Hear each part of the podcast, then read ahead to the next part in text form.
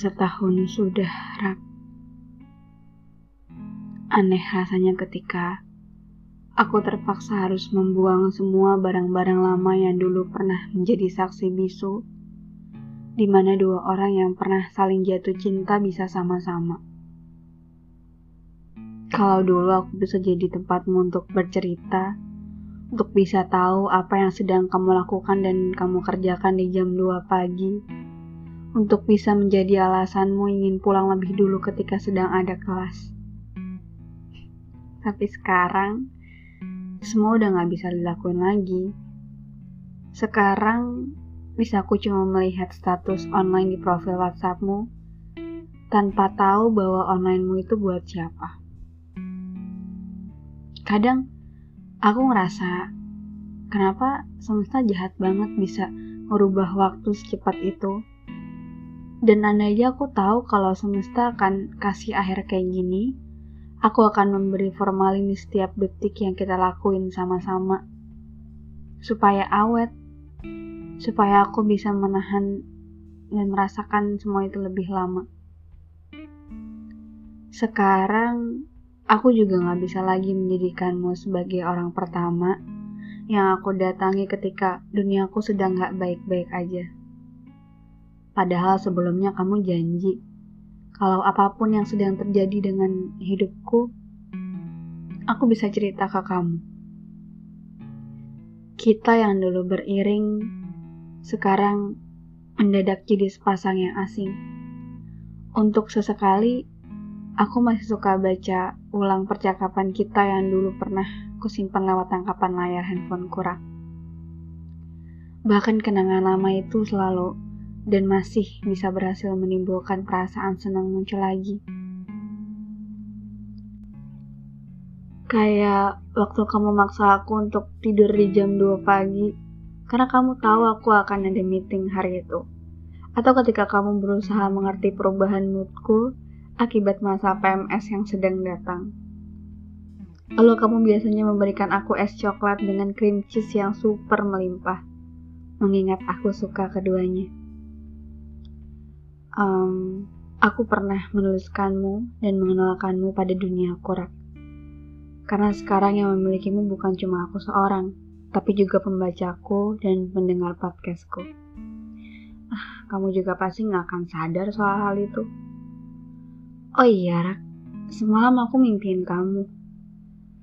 Mimpinya seakan terjadi di tempat yang pernah kita kunjungi bersama. Kamu ingat kedai kopi tempat kita bertemu dua tahun lalu, Rak? Waktu itu aku sudah mengakhiri hubunganku dengan Ezra. Laki-laki yang dulu sering jadi alasan kenapa kamu suka lama balas chatku. Karena kamu bilang aku pasti lebih pilih Ezra dibanding kamu. Padahal kalau boleh jujur ya, kamu dan dia jelas berbeda, Rak. Berapa kali sih mesti aku bilang bahwa kamu adalah laki-laki yang sepertinya memang sengaja. Emang sengaja semesta kirimkan untuk memberikanku banyak warna baru dalam hidupku. Oh iya, Rak. Soal tempat pecel lele langgananmu. Kemarin malam aku ke sana. Tentu saja sendirian. Setelah selesai mengerjakan naskah untuk cerita baruku, aku iseng mampir ke sana. Kebetulan mama juga lagi masak di rumah dan kayaknya bosan banget kalau harus pesan makanan junk food lagi. Iya sebenarnya salah satu alasan juga kenapa waktu itu kamu ngelarang aku untuk jangan terlalu sering makan junk food. Oke, okay, back to topic. Duh, maaf ya aku udah kelamaan gini nggak ngobrol sama kamu jadi kayak banyak hal yang mau aku ceritain ke kamu dan kamu harus tahu itu gitu iya jadi si abang pecelnya ternyata masih ingat sama kita sama kamu sih lebih tepatnya waktu dia nanya kenapa aku ke sini sendirian dan gak sama kamu aku bingung mau jawab apa mau jawab kalau kita udah gak sama-sama lagi dan kamu udah nemuin perempuan lain kayaknya kelihatan dramatis banget ya jadi ya udah Aku jawab aja kalau kita sekarang lagi sama-sama sibuk. Jadi belum ada waktu untuk ketemu dan main lagi. Dan sepertinya pernyataanku barusan harus diamini. Iya, semoga.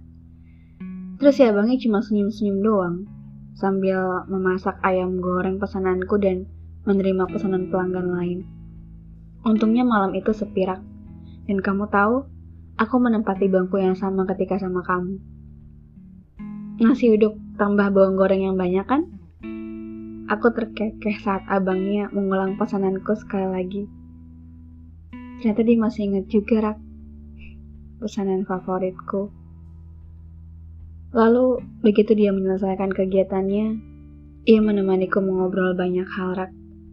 Katanya kamu juga beberapa kali mampir ke sana, entah sepulang kuliah atau ketika ibu di rumah lagi nggak masak. Akhirnya, alibiku yang tadi ketahuan kalau cuma bohongan, tapi nggak apa-apa. Lalu, sepulang dari sana, aku juga mampir ke salah satu tempat ketika aku menemanimu untuk membeli earphone di salah satu mall di Jakarta. Seperti biasa, satu hal yang juga jadi alasan kenapa kamu lebih milih untuk ke sana dibanding toko lain, karena sepi, pelayanannya ramah, dan juga lebih lengkap. Setelahnya, aku mampir lagi untuk beli kopi di salah satu kedai kopi di dalam mall. Kopi yang menyimpan banyak kenangan, sama kamu salah satunya. Aku pilih caramel macchiato, karena cuma itu satu-satunya kopi yang aku suka. Dan kamu juga emang cuma ngobrolin aku untuk minum kopi jenis itu. Karena kamu punya masalah lambung, jangan minum kopi yang aneh-aneh. Terlebih kopi dengan rasa yang terlalu kuat. Itu katamu dulu. Um, dan ketika aku bilang sekarang aku udah bisa minum kopi americano, karena waktu itu Ezra maksa aku untuk coba dan rasanya gak kalah enak ternyata. Walaupun memang terlalu strong untukku yang lebih suka rasa manis. Sampai akhirnya aku selesai dalam perjalananku tadi. Aku selesai setelah melewati kembali semua hal yang pernah kita datengin sama-sama. Seperti halnya perjalanan yang juga harus menemukan titik finishnya. Perasaan yang tumbuh selama enam tahun itu juga sepertinya sudah harus kumatikan sekarang. Bukan. Bukan berarti bahwa perasaan itu membuatku tersiksa. Bukan karena aku gak berani untuk terus mencoba tapi seperti yang pernah kamu bilang, bahwa gak semua hal yang dicoba bisa membuahkan hasil. Kadang, ada beberapa hal yang cuma bisa kita terima. Mungkin tanpa kita sadari, tanpa aku sadari bahwa ternyata sebenarnya selama ini ada banyak hal yang menunggu untuk masuk ke dalam kehidupanku dan juga kehidupanmu. Tapi kita sama-sama aja.